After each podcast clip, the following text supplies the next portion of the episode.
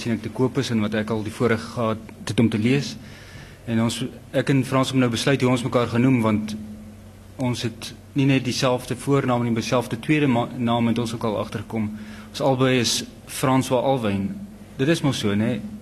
Dis reg, ja. ja. Ek het nie onthou nie. 'n 'n baie ou skrywersnaam.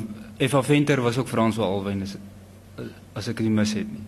Mm, weet dit voel soos diep spore en ek dink ek kan hulle trap hê.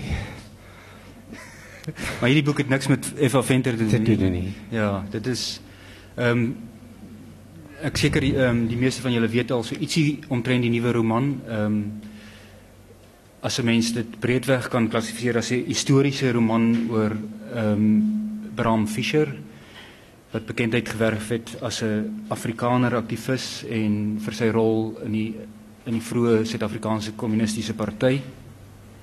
Daarvan ehm um, beroemd berug geraak het in in maak hang nou af van van watter perspektief jy daarna kyk. Uh maar ek ek kom ook agter mense met baie uh, vinnig ook dan sê dit is nie 'n doodgewone historiese roman nie en allermins is dit 'n biografie. Wil jy iets uh, sê oor die aard hoe ehm um, van die roman hoe ons dan moet kyk as en hoe dit aansluit by historiese fiksie en en hoe jy dit graag ehm um, wat jy dit graag noem? Vir dit dit klink nou soos 'n vreeslike mondvol. Miskien moet ek net sê dis 'n baie groot voorreg om vandag by julle te wees en dankie dat julle hier is.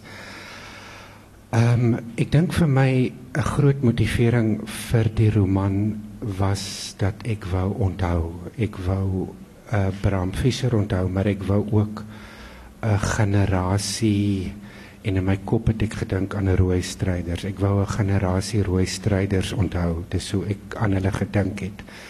En baie keer met die skryf van die roman as dinge moeilik was of ek het gesukkel dan het ek altyd maar net gedink aan die onthou. Ek wou onthou. Dit was my groot motivering. En jy noem nou sal ek sê 'n klomp historiese feite oor Bram Fischer. Ek dink ons almal weet iets omtrent die persoon en ek dink hier is mense nie gehoor wat dalk baie meer oor Bram Fischer weet as ek vermoed ek. Ons het almal dink ek 'n assosiasie met hom. Daar is baie bekende goed oor hom. Hy is byvoorbeeld hy was 'n kommunis of hy was in die tronk of hy het 'n groot rol gespeel in die Rivonia verhoor van Nelson Mandela en ander Ek wou nie die bekende skryf nie. Die bekende is vir my al so 'n klise om dit so te stel want ons het dit oor en oor en oor al gehoor. Ons het dit al 100 keer gehoor. Ek wou byvoorbeeld nie skryf wat in die Rivonia hofsaal gebeur nie. Wat my meer interesseer het was wat het hy gedink die aand toe by die huis kom, die aand by die huis, wat het hy met sy vrou gepraat, wat het hy daardie nag gedroom? Ek wou eintlik verby die gewone gegewe kyk na na die mens as sulks eerder as die geskiedenis. En ek ja. weet nie, ek kan nou vir ewigheid hier oop praat, maar sê liewe iets. ja, en, um, ons ons gaan terugkom daarna toe okay. ek ek wil nog uh, jy moet 'n bietjie praat oor van die tegnieke wat jy aangewend het wat mense um, dan okay sou bestempel as as die tegnieke van fiksie. Ja. Ehm um, net miskien aan een stap terug wat my onmiddellik opgeval het die eerste oomblik toe ek die boek in in die hande kry is dat dit besonder lyks uitgegee is. Ek bedoel dis nie elke skrywer deesdae veral in Suid-Afrika beskore om 'n boek in harde band met 'n stofomslag uit te gee nie. Het jou uitgewer uit die staanspoor geweet dit is 'n grootte ons moet dit soos 'n groot boek behandel of of wat is die rede daarvoor? Okay, of weet jy self betaal daarvoor? Nee, ek is 'n skrywer en my gunsteling spasie sal ek sê is wanneer ek die voordeur toemaak en van die wêreld en die realiteit kan vergeet en my kan begewe in 'n fiktiewe wêreld waar ek met woorde musiek maak. Dis soos ek daaraan dink. En vir my is die uitgewer iemand wat 'n ander wêreld ken en goed soos uitleg en boekomslaa en bemarking ken. Ek moet maar net my aandeel op my aandeel fokus. En dit is om by die huis die deur toe te maak en van die wêreld te vergeet en jouself af te sit en te groei en te ontwikkel en kreatief te wees. Die goed wat jy noem nou van die harde band was 'n baie groot verrassing en ek dink ek probeer nog oor dit kom. Maar ek gaan altyd terug na ek moet fokus op my eie kreatiewe groeiproses. Laat laat ek dan maar antwoord en sê dit dit dit 'n besonderse boek is. Dit was vir my 'n uh, besonderse belewenis om, om dit ook te lees en ehm um, ek dink ons kan 'n bietjie gesels oor wat dit is wat dit wat dit vir my 'n baie bevredigende leeservaring gemaak het. Maar kom ons loop, loop maar stadig in daai rigting en behalwe die die spesiale hardeband stofomslag het dit ook nou 'n tamelik enigmatiese titel. As jy nou vir wat dit ook 'n verrassing maak om uiteindelik te hoor dit gaan oor Bram Fischer is die titel dan Rooi Jan Alleman. Hmm. Wat as jy die boek lees, kom jy agterkom is was dit vir 'n wyle uh 'n skuilnaam as jy sou wou, 'n kodenaam ehm um, wat Bram Fischer spottenderwys oorweeg het, eintlik as 'n soort van grap. Wil jy ietsie sê oor die titel en en wat die implikasie van die titel is? Ehm um, Oké, okay, ek kom nou weer terug na hierdie my rol en die uitgewer se rol. Ek wat wat ek altyd doen is ek 'n roman skryf dan gee ek vir die uitgewer uh, iets soos 5 of 6 moontlike titels en ehm um, die titel wat hulle op die ou en kies kies hulle omdat hulle meer van die boeke wêreld weet as ek.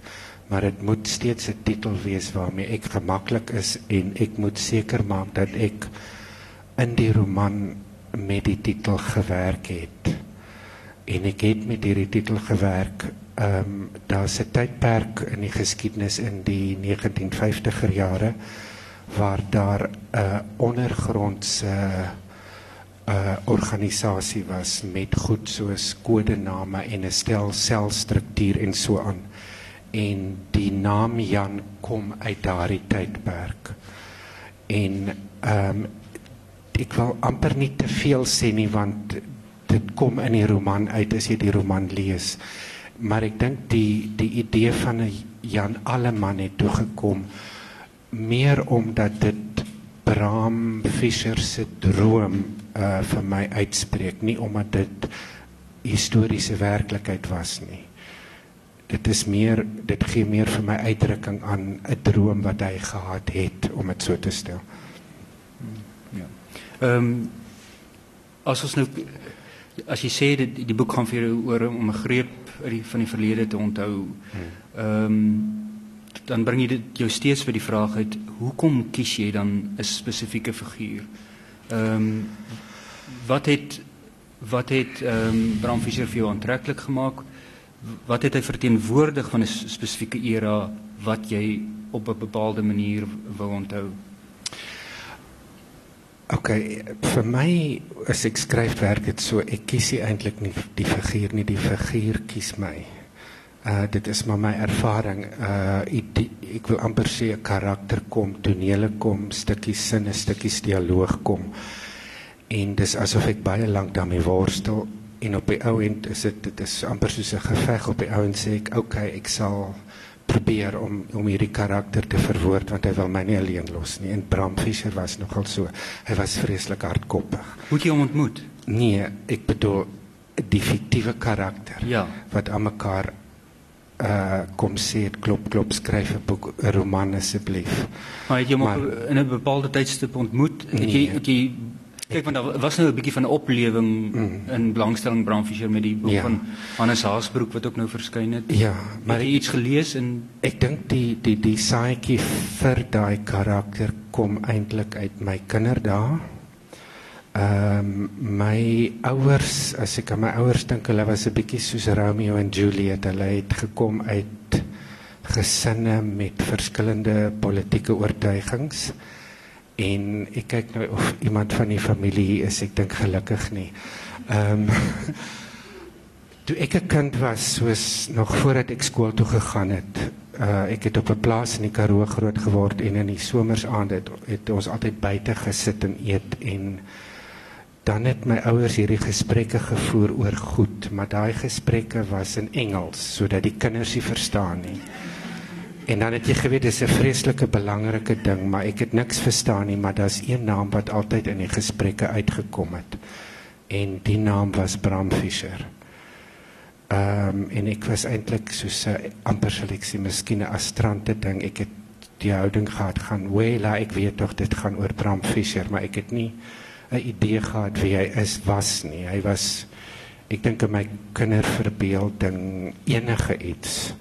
Ek onthou op die op die buurplaas was daar 3 grafte uit die boereoorlog van drie perderyters wat daar begrawe is en in my kinder verbeelding was hulle ook het hulle ook met Bram Fischer te doen gehad. Alles het op 'n manier met Bram Fischer te doen gehad want dit was 'n geheim. Ehm um, en ek toe ek die roman aan dit gewerk het, het ek een keer onthou hoe ek as laerskoolkind in die in die biblioteek in 'n ensiklopedie oor oor mens bekende mense kinder ensiklopedie ensiklopedie sy naam gaan opsoek toe juffrou nie kyk nie. So ek dink die die die die saaitjie amper vir hom is daar gelê. En ek ja. Ja. So het 'n baie langer geskiedenis en uh, en dit bring my eintlik terug by die vraag van uh, hoe kom 'n mens iets kies en dit verduidelik 'n bietjie hoekom jy sê dit het jou gekies as dit ware. Want mense het dikwels die veronderstelling dat as uh, in historiese fiksie kies 'n skrywer 'n bepaalde era of 'n bepaalde historiese figuur of om of iets oor daai era te probeer verstaan of daardie era te laat praat oor die huide oor die hede ek dink jy doen miskien ietsie van albei, maar dit lyk vir my asof die keuse vir jou 'n per, persoonlike keuse was. Ek dink die keuse was vir my as as ek moet sê ek het die keuse gemaak. Ek voel nie ek het die keuse gemaak nie, maar ek sal sê dit was 100% 'n persoonlike keuse. Ek wou onthou uh daar was aan een kant van die familie het ek uh uh tannie gehad wat in die 1940s uh 'n lid van die kommunistiese party was maar haar wêreld was uh die wêreld van die fabriekvloer en die vakbonde. Ehm um, jy weet so ek wou Bramfisser was vir my soos 'n simbool, 'n deur wat ek oopmaak en waardeur ek ander mense kan betrek uh daar's byvoorbeeld name in die roman soos Molly of Ruth of Quetty of Betty en uh dit dit alles op 'n sekere gevoelsvlak gebeur. Ek het ek het 'n geweldige bevrediging daaruit gekry dat ek mense soos Betty en Ruth net 'n klein bydrae kan maak om hulle te onthou dat hulle nie vergeet raak nie. Maar ek dink weet jy, jy vir my wat ek met die skryf van die roman besef het, ek kan geskiedenisboeke lees en dit gaan vir my datums gee en persoonsname en plekname. Maar dis asof die roman die skep van 'n karakter vat my na 'n ander vlak van begrip toe. Dit vat my binne in die mens in en ek dink ook die die fiksie skep 'n uh, 'n atmosfeer van 'n era wat jy nie in 'n geskiedenisboek kry nie. En ek dink teen die einde van die roman byvoorbeeld het ek gevoel ek het die tannie wat ek het wat ek het 'n foto van haar in my kombuis met ek het gevoel vir eerste keer kan ek na haar kyk en sê ek verstaan jou nou ek verstaan die keuses wat jy gemaak het byvoorbeeld ehm um, maar dit is asof die die die reis in fiksie vat mens op vir my vat jou uh op 'n ander vlak van begrip as die geskiedenisboek. Ja, ek dink byvoorbeeld vir vir lesers een van die verrassings ehm um, wat as 'n mens nou ehm um, populêre of dan nou stereotipe veronderstellings omtrent uh, historiese figure in ag neem of dan nou iets soos hoe ons gemaak is om te dink oor oor kommunis kommunisme en die rooi gevaar en die rooi simboliek in die algemeen dan is dit een van die verrassings hier is dat die toonaard van die boek is elegies is byna weemoedig spreek van onsekerhede en van vertwyfelings eerder as van strydvaardigheid of veglustigheid en so aan. Is is dit een van die ontdekkings wat jy gemaak het is dit of het dit net gebeur? Jy gebruik nou vreeslike groot woorde. Ehm um, ek dink vir my jy weet daar was 'n tydperk van lank nalees. Uh, Daar's 'n punt wanneer ek besluit is soos ek ek gee oor. Ek sê vir die karakter, oké. Okay, ek beloof ek sal my bes probeer om jou stem te gee, maar dan kom 'n 'n lang tydperk van navorsing en van lees. Ek dink altyd ek moet eh, 'n uh, woordeskat vir die karakter opbou en dan lees ek goed wat ek nooit gedink het ek sal in hierdie lewe lees nie. Maar ek dink met die kommunistiese figuur soos Bram Fischer, ek ek het daar's die perspektief van die regterkant van die anti-kris en die duiwel en daar's die perspektief van die linkerkant van die kommunistiese held en die bevryder en ek moes op 'n manier het ek die gevoel gehad ek moes tussen die twee kante in beweeg. Ehm um, vir my was dit ehm um, dat die een kant het net geoordeel en net klip gegooi en nie die mens gesien nie. En ek wou die mens uitbring. Nie net in Bram nie maar in sy generasie. Maar die ander kant ehm um, sal ek sê is vir my soos die standbeelde van Lenin oor Rusland. Dit is gegiet uit yster of beton dit is soos dit hulle praat altyd van die tweedimensionele sosialistiese held dit is ook nie 'n mens met swakheid en emosies nie so ek moes tussen daai twee in uh beweeg voel ek en aan al twee kante ek dink vir al twee kante wys ek skep 'n mens in die karakter. Ja. Ehm um, jy moes ook ehm um, soos ek het gesien het moes jy tussen die ehm um, die politieke en die persoonlike in beweeg. En jy moet uiteindelik sover dit my aangaan wys jy op die raakvlakke tussen die twee. Ehm um, het jy byvoorbeeld jou voorgenem ek gaan nie 'n politieke roman skryf nie uiteindelik kom jy agter jy kon dit nie sy stap nie. Weet jy my motivering was ek wou onthou. Hmm. Ek het nie in terme van teorie gedink nie. Hmm. Ehm um, in hierdie redigeerproses het die redakteur een keer die woord historiese roman geskryf, toe skrik ek my boeglam want ek het dit was altyd 'n term wat wat jy in hoofletters skryf en ek het nie in terme van teorie gedink nie.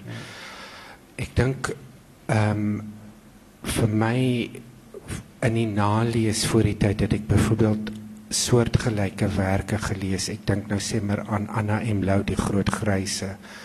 Ehm um, Nadine Gordimer Burger's daughter of daar's 'n roman wat my ook nog baie gehelp het. Ek dink is Patricia Duncan oor James Barry, 'n Kaapse dokter. En wat ek by hulle ek moes by hulle gaan afloer en by hulle leer en wat ek by hulle agtergekom het is as jy met 'n historiese figuur werk dan wat jy in die figuur insit is jou projeksie maar dit is ook tydsgebonde dit is ook die projeksie van my tyd wat ek in die figuur insit. Ehm um, nou hoe verbind dit nou met jou antwoord? Ek dink met die skryf het ek baie keer vir myself gevra hierdie rooi droom van die kommuniste, wat het van die droom geword? Ek het altyd skielik ek het ek is soort van baie verslaaf van nuus. Ek luister altyd nuus en ek het baie na politieke partye begin luister skielik om te hoor hoe verwoord hulle hulle droom en kan ek 'n element van die rooi droom by hulle kry. Ehm um, dit was baie interessant as Malema begin praat het skielik. Maar ek dink later het dit verskuif. Ek het net begin luister na die droom. Wie verwoord 'n droom as daar armoede is of as daar vryheid is wat ingeperk is, wie verwoord die droom? So ek het ek wou op 'n manier die vraag aan die leser stel wat miskien verbind hou met jou 'n politieke roman as 'n leser vir hom of haar vra wat het geword van die rooi droom of wie verwoord vandag ons drome dan sal ek baie tevrede voel. Maar ek dink ek is ook ek wil amper sê dis vir my asof ek is nie pessimisties genoeg nie. Mense sê altyd die kommunisme is dood, maar of ek nou 'n kommunis skryf of 'n DA lid of iemand wat aan die boere mag behoort, ek wil hê die karakter se droom moet behoue bly. Hmm. Ek is nie pessimisties genoeg om om die droom te laat doodgaan nie. Ja. Maar dit is 'n persoonlike ding van hoe ek die lewe sien. Ehm um, toe ons uh, vlugtig gepraat het voordat ons uh, die onderhoud begin het, het jy genoem dat jy ehm um, heelwat vrystelse skrywers gelees het om die woordeskat of uh, om om die taal te kry van haar era en van haar mense van mm. hoofsaaklik vrystaatse mense is. Mm. Ehm um, ek wil jou vra oor oor daardie voorbereiding, dis die een deel daarvan en die ander deel is was die stem van Braam uit die staanspoor daar? Het hy die staanspoor het jy hom in sy oor gehoor of het jy hom mettertyd het jy het jy hom gekry? Hoe dit gewerk? Ehm um, ek dink die die stem van Bram Visser was daar en om dit so te stel daar was stukke dialoog daar was tonele ek het vanuit nog voordat die navorsing begin het het ek geweet dit gaan dit moet eindig met die stemme soos dit eindig byvoorbeeld ehm um, en die stem kom by my altyd eerste en daarna begin die navorsingstydperk ehm um, by die roman moes ek aan die een kant moes ek uh in die geskiedenis ingaan. Ek moes my ek wil amper sê my feite reg kry. Maar ek moes ook kyk na die plekke waar die roman afspeel, byvoorbeeld Bloemfontein en Johannesburg is is groot dele van die roman. En uh dan lees ek ek dink altyd aan aan ek moet 'n woordeskap vir die landskap opbou. Ek moet kyk hoe ander skrywers met die landskap werk. Ek lees ehm um, baie goed soos biografieë, fiksie. Ek lees ook gedigte. Ek het byvoorbeeld Gilbert Gibson begin lees wat net nou praat omdat hy uh sy gedigte die Vrystaat as omgewing gebruik. Ehm um, antwoord ek nou die vraag. Ek dink aan die begin van hierdie navorsings proses of leestydperk het ek gedink die die manier om navorsing te doen eintlik is om nou die land vol te reis en mense op te spoor en onderhoude te voer. Ehm uh, maar dit sou geld geverg het wat ek nie het nie. Toe dink ek ek is 'n skrywer, ek het 'n verbeelding, ek moet nou maar my verbeelding gebruik. Maar in hierdie leestydperk ehm um, sal ek sê die oorspronklike stem, die oorspronklike stukke dialoog of toneel of sinne wat gekom het word dan verryk en word dan uitgebou vir my.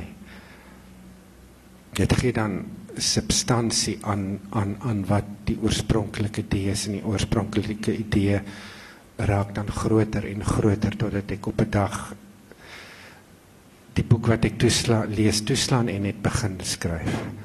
Ja, nou kom hoe kom ek nou baie spesifiek die stem van van Bram Fischer noem is dat die boek grootliks is sy stem. Alhoewel dit hoofsaaklik 'n derde persoonsverteller is, kyk die verteller deur Bram Fischer se oë, woon min of meer in sy kop.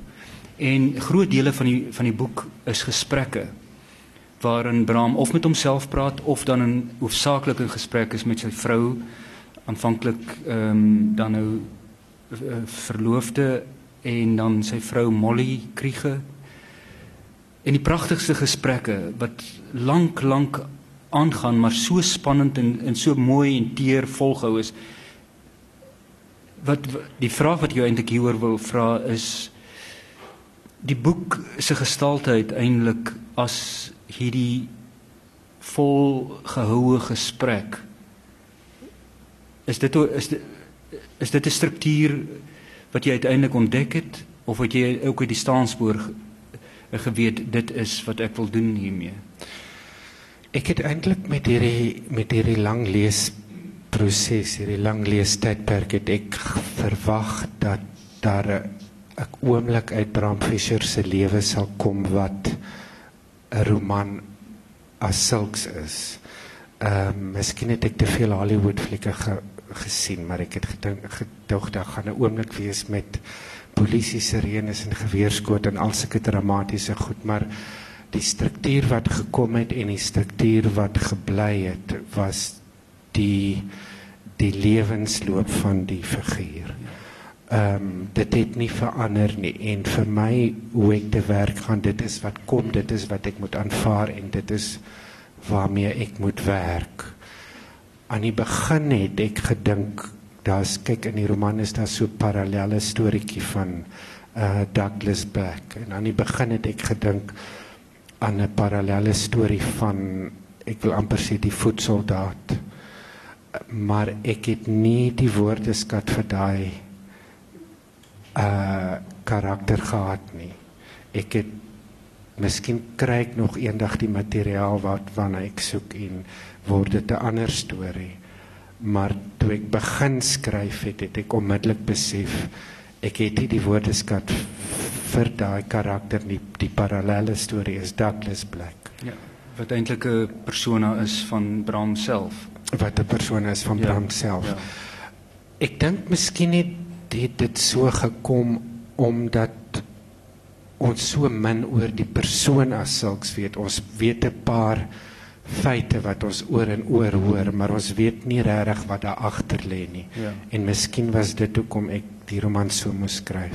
Jy gebruik ook 'n paar ehm um, vir my baie interessante kunsgrepe waarvan een ehm um, jou bedinksel is om uit die staanspore toe Bram nog 'n jong kind was, het hy kom ons noem dit maar 'n paar skedelgenote, 'n spooke gehad wat saam met hom die pad geloop het om Paul Creer, ehm um, Joppie Fury en dan nou die vroeë historiese karakter Hendrik Bibou, die man wat na bewering om die die eerste een was wat homself Afrikaner genoem het.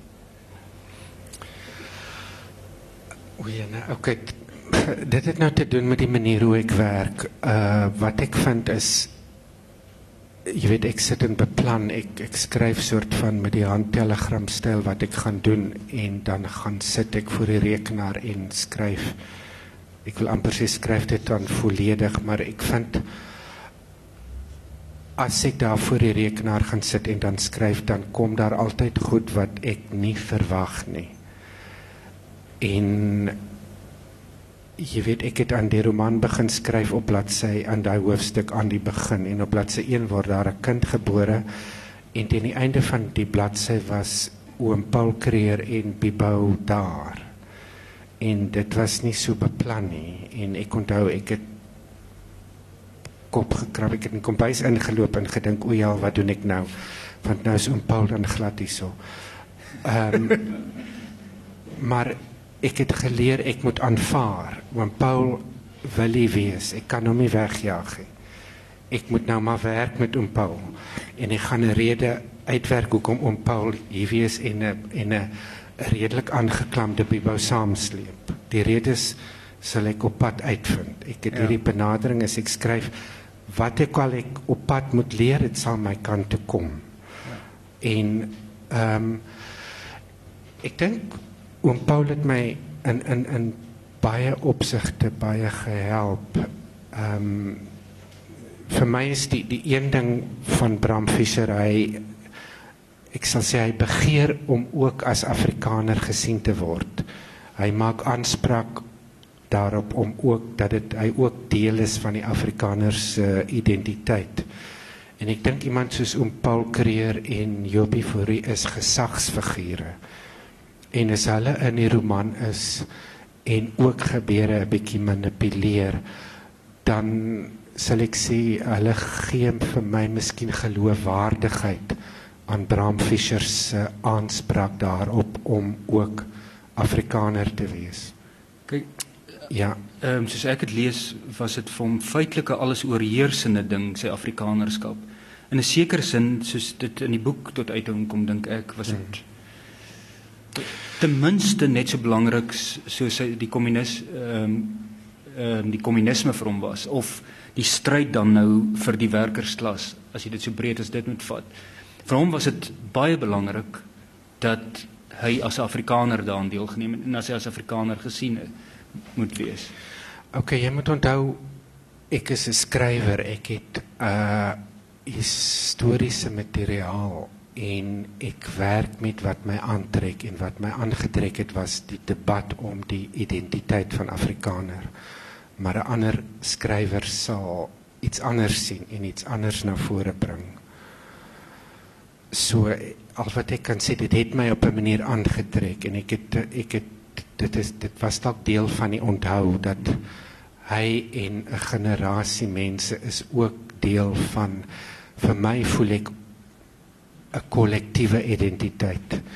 Maar vir my voel dit persoonlik hulle is ook 'n deel van die agtergrond van waar vandaan ek kom van wat my geskep het. Ek sê nie dit is die die oorheersende deel of die groot deel nie. Maar hulle is 'n deel van my identiteit. Daar kan wel iets soos 'n rooi Jan Alleman wees. Ons almal kan ook rooi wees, rooi met hoofletter. Ja, ek sal sê daar is ook 'n rooi in ons identiteit. Dit is nie nie noodwendige Alleman nie. Die Alleman is meer Bram se droom. Hmm. vir my. Maar miskien nog meer gewaagd as byvoorbeeld om om Paul en en Jopie Fury en Hendrik Bibo in Bram Fischer se kop te sit is die ehm um, die die die suggestie dat Molly ehm um, dan nou biseksueel kon gewees het of aangetrokke was tot ander vrouens. En dat dit die wortel was van een van die groot onsekerhede van Bram. Dat hy nie geweet het wat daar gebeur het nie en dat dit hom geplaat vir 'n baie baie lang ruk. OK, ek dink in die in die navorsing wat ek gedoen het, ehm um, is daar hierdie figuur Molly Fischer wat uit 'n baie vooraanstaande familie in Bloemfontein gekom het en uh na 'n baie lang tydperk van uh wat is die woord keis en nie keis nie op die oomblik met Bram Fischer getrou het maar sy was vir my eintlik 'n verrassing. Ek sal sê van die eerste oomblik van dit dit ek haar teëgekom het het ek geweldig baie van hierdie vrou gehou En ehm um, ek dink nou byvoorbeeld in daar's 'n biografie van Klingman oor Bram Fischer waar hy byvoorbeeld Molly se briewe aanhaal en sy het my teruggeneem na 'n era in die 1930s wat ek al baie teëgekom het in literatuur en flieke en goed waar ek wil amper sê so speels met identiteit omgegaan word daar's 'n nuuskierigheid om die wêreld en identiteit is vloeibaar en alles moet uitprobeer word. En dit het my aangetrek tot tot sal ek sê hierdie hierdie persoon en ek het gevoel ek moet haar ook skryf, ek moet haar ook inbring. Ehm um, en ek dink 'n ander oorweging vir my is uh dikwels in hier literatuur word die kommunis as voorgestel as iemand wat losbandig is wat uh seksueel se die die moraliteit daar is kan ons 'n vraagteken agterstel maar wat ek in die lit, in die in die bronne gesien het is dat Bram en Molly 'n ongelooflike verhouding gehad het wat uh ek wou beskryf om dit so te stel om om te wys maar hy was nie uh die draak sonder moraliteit nie uiteindelik 'n ongelooflike huwelik gehad. So dit was miskien 'n faktor wat ingekom het. Nou ehm um, wat jy vra oor die suggestie dat Molly biseksueel was. Ehm um, ek dink aan die begin toe ek haar briewe teekom. Daar is 'n plek byvoorbeeld waar sy speels daarmee omgaan en sê haha ek is nie met mans nie ek is nie aangetrokke tot mans nie. Maar jy weet nooit met Molly wie is asof sy definisie ontwyk. En ek het daarmee aanvanklik was die gedagte onderdruk die gedagte onderdruk dit net dan moenie daarmee werk nie. Maar toe ek skryf, toe kom dit weer op. En dan skryf ek maar met wat kom. En ek dink die manier hoe ek werk is na die tyd sit ek en ek kyk terug en ek vind verduidelikings. Ehm um, ek dink iets wat my daar beïnvloed het. Ek was baie bewus met die karakter Bram Fischer dat ek die heteroseksuele man se siege skryf. En ek dink dit het te doen met hoe hy Molly sien. Dit het te doen met hoe die man die vrou en haar seksualiteit in die huwelik sien dat sy ek wil sê hom amper ontwyk en hoe ouer hy raak hoe sterker raak sy sulke goed dink ek het 'n rol gespeel. Ek dink toe ek klaar die roman geskryf het, toe ek nou terugkyk, toe dink ek arme Molly, sy moet geweldig baie dra in die in die roman. Ek laai verskriklik baie op haar. En die die vraag oor seksualiteit of biseksualiteit is maar net een ding wat ek op haar laai. okay. Ja, dit, want die boek is in 'n ware toe ook 'n baie teer 'n liefdesverhaal met met baie interessante ondertone en spanninge sigself waarvan een spanning gaan ook oor hulle speelse skermutseling oor die feit dat 'n huwelik sou beteken dat 'n vrou gebind sou word tot 'n bepaalde rol of tot 'n bepaalde status en dat Molly dan op haar manier voortdurend dit probeer ondermyn al is dit bloot deur net 'n haar eie mens te wees en en nooit netjies in een of ander rol in te pas nie. Weet jy, ek dink ek moes teruggaan vir die roman na die debatte van die era.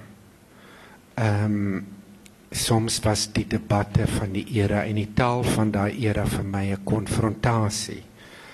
Ehm um, en ek het baie keer op hierdie linkse en verlinkse analise van die kapitalistiese huwelik wat net arbeid vir die stelsel uh uh gee afgekom maar ek moes daarmee werk want dit was die wêreld waarin hierdie vroeë kommuniste geleef het en wat hulle denke gedrywe het en soms ook hulle gedrag.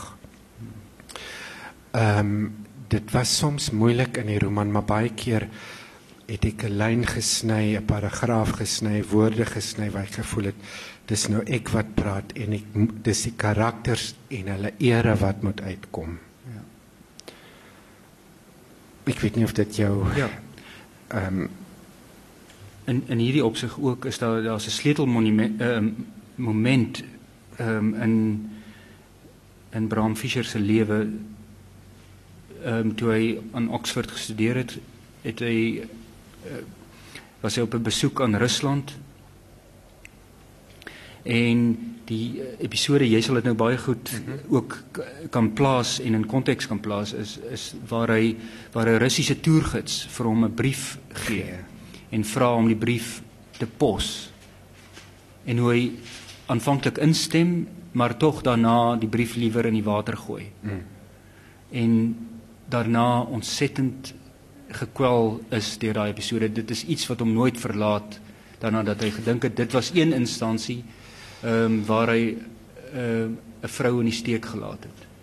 Dit sluit in oor aan een een kant sluit dit aan by sy by sy siening van vroue, van verhoudings in die algemeen, mm. van sy sy opvatting omtrent integriteit en die ander kant sluit dit aan by sy ambi, ambivalensie in stalinisme. Ehm um, en hier is daar reeds sprake van hoe die persoonlike en die politieke ehm um, dan nou skouers skuur. Wil jy 'n bietjie sê waar, waar is dit 'n werklike episode? Miskien kan jy daarmee begin. Is dit gedokumenteer die Nee, dit is nie 'n werklike episode nie. Wat okay, wat wat ek dink hoe ek te werk gegaan het, wat werklikheid was was byvoorbeeld dat Bram uh op in daai tyd in Rusland was dat hy op daai spesifieke boot uh met twee dekke was op daardie spesifieke rivier en ook die mense wat na ander eras vervoer word dat hy hulle byvoorbeeld by die stasie sien so ek gebruik tot 'n sekere mate historiese gegewe maar dan gebruik ek my verbeelding om iets anders te skep. Die die die die Russiese vroulike die die vroulike toergids en die brief wat sy vir hom gee en hoe hy later dit onthou ehm um, dit dan twee keer later in die roman dink ek te voorskyn. Dit is my verbeelding om dit so te stel, maar dit is hoe ek met die karakter werk. Ehm um, ek dink vir my deels wys daardie episode en hoe hy dit onthou en nie aan Molly vertel nie die manlike siege. Ek wou hy is 'n man en hy moet optree soos 'n man. En ek dink baie keer die die die kommunistiese held in die linkse literatuur is blaamloos en vlekloos en net 'n held en doen niks verkeerd nie. En ek moes uh goed inbring waar Bram ook rekenaars rekening reek wat is die woord accounting accountability ja. rekenskap doen hmm. oor stalinisme want dit is wat ook wat ons vandag verwag en dit is wat 'n leser gaan verwag. 'n Leser gaan sê, "Nou wat die hel het jy gedink?" Dit was aan 'n era van stalinisme en ek moet dit ek moet verduidelik hoe hy dink, maar ek moet hy moet ook rekenskap doen. So sy is byvoorbeeld was hy in die tronk besoek sy is 'n figuur wat hom help om sy verlede te konfronteer en dit vir my is dit belangrik ook om te wys hierdie Bram is nie net 'n engel nie, Bram is nie net 'n held nie. Bram begaan ook foute soos almal van ons. Ek het ek het 'n geweldige bewussyn ontwikkel dat Bram ek het eintlik gehou van die karakter wat wat vir my na vore gekom het. Hy hy's 'n mens wat hom weerspreek het. Net soos ek en dit het my laat voel hy's mens. Ek kan met hom identifiseer en werk en ek kan met hom praat. Ek wou jy tog nie laat wegkom nie met die hele ding daarvan dat jy nie kon wegbly daarvan om ook 'n politieke roman ja. te skryf nie. En daarmee kan ons afsluit en kans gee vir 'n paar vrae as daar is. Ehm um, aan die einde laat jy na Bram se dood 'n paar stemme praat onder uh ander is sy dogter. Ehm um, En die heel laaste stem is die van 'n kameraad in ballingskap. Mense kan nou nou en dit my afleiding is dat dit iemand wat dan praat aan die vooraand van die eerste gesprekke tussen die destydse regering en die ANC. Mm. Is 'n vrou wat praat uit New York en dan voor die vooruitsig staan om van hierdie gesprekke met die vyand en dit lyk vir haar na onmoontlikheid. En dan skielik onthou sy vir Bram wat sy in 'n vroeëre lewe geken het en sy onthou spesifiek 'n uh, voorval hoe Bram teenoor Molly opgetree het. Sy hou onthou daai spesifieke gebaar. Mm. En dan laat dit haar gedagtes spring sê, kyk, Bram was eintlik 'n verteenwoordiger van die vyand. Hy was Afrikaner. Miskien, miskien is sulke gesprekke nodig. Mm. Daai persoonlike die die politieke implikasies van daardie intiem persoonlike gebaar wat die politieke oorgang moontlik gemaak het. Dit, dit lees ek dit lees ek te veel daarin. Dat jy uiteindelik per slotte 'n polit, politieke standpunt wou maak vanuit die persoon en lewe van Bram. OK, uh ek dink ek verstaan nou die eerste keer wat jy bedoel met persoonlike en politieke wat oorvleuel. Daai drie stemme was daar nog voordat ek die roman begin skryf het. Hulle is stemme wat van nature kom. Dit is nie 'n teoretiese oorweging nie. Uh dit is hoe ek werk en na die tyd reflekteer ek miskien teoreties daaroor. Ek leer uit daai proses van terugkyk, maar ek kan nie vir die leser voorskryf hoe die leser dit moet verstaan nie. Dit gaan die leser gaan daai karakters oproep en verstaan soos hy of sy wil. Ehm um, daai uh intieme handeling tussen Bram en Molly wat daar waargeneem word, het ek uit bronne gekry. Dit was uh in 'n onderhoud met Arthur wat is hy van Jack Chactals en so Ja, iets. ja. Ja, ek is baie sleg met name. Een oor in en een oor uit. Ehm um, dit het hy waargeneem en ek het dit byvoorbeeld gebruik. Ehm um, ek kan nie ek kan nie regtig teoreties verwoord wat 'n leser daar moet sien of glo nie. Ek het eh, 'n uh, rukkie terug met 'n joernalis Gert, nou is nog 'n van van der Westhuizen dink ek gepraat en hy het vir my gesê Bram Fischer se lewe was soos 'n brug wat uitreik na ander maar ook na die toekoms toe.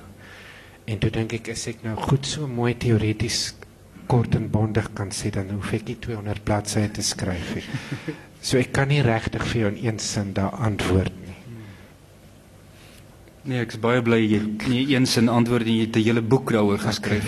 En dit was vir my 'n verryking en ek dink vir enigiemand sal dit wees. Baie dankie Dankie. Frans. As er nou vrae is, dink ek sal jy dit graag ook van Ja, ja, graag, graag, graag. As is Ja,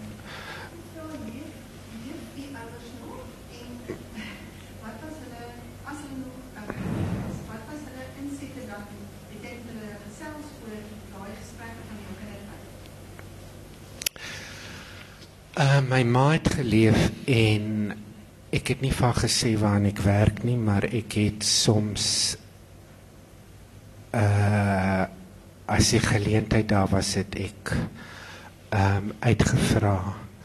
En ek het ook 'n tannie wat nog leef uh en as dit as dit voel soos die regte oomblik het ek hulle soms uitgevra. Maar wat ek vind wat ek by hulle gehoor het was altyd maar 'n bevestiging van wat ek reeds weet of reeds onthou. Ek dink ehm um, toe die roman nou eintlik verskyn en ek dit vir hulle gee is bietjie moeilik as jy dit doen en daar is mense betrokke wat nog leef. Ek dink dit was vir hulle soos 'n uitdaging. Hulle moes sê, "Oké, okay, dis soos dit was en ek gee dit toe." Of hulle moes dit op 'n manier aanvaar. En ek dink by my ma het ek agtergekom daar was 'n ontwikkeling, daar's nou 'n trotsheid in haar oor waar ons vandaan kom, wat 'n deel van ons agtergrond is wat nie altyd voorheen daar was nie, want dit was 'n taboe gewees. Maar dis asof daai taboe nou gebreek is. Daar was nog 'n vraag. Ja. Ek wil net vra, ek dink jy is hulle teenoor die leser, Mm. die vrye, oorskynlike vrye omgang met die feitelike Mm. en die vrugbare skrywers verdeel. okay. Ehm um, kyk die ding is as ek Brahms se lewe skryf soos hy was, dan is dit een hofsaak na die ander. Dit is eindeloos en baie vervelig. So wat die skrywer doen is jy bring al die hofsaake saam tot een hofsaak. Jy maak dit vir die leser dink ek in daai opsig makliker. Um, en ook dit is asof die reëls van fiksie oorneem. Jy moet 'n storie skryf, dan moet 'n karakter wees waarmee jy kan identifiseer en dit moet spannend wees. Die die die die leser moet asseblief nie gaap hê want in die biografie begin die leser gaap. Dit is baie lankdradig. Maar in die storie, die storie moet vloei en die leser vorentoe trek om dit so te stel. So wat ek ook by ander skrywers soos Nadine Gordimer gelees het, geleer het is dat jy vereenvoudig geweldig in fiksie om dit vir die leser makliker te maak. Maar ek sien dit dan net as 'n eerste inleiding tot die karakter. Dan kan die leser biografie gaan lees wat meer so uh, meer meer wat is die woord comprehensive is. Ek dink iemand agterwys op tyd. Ja, baie dankie Franso. Ja, Ek wil net aan die mense wat hier was sê baie baie dankie. Dis die lesers wat eers vir my die karakter lewe gee. Baie baie dankie.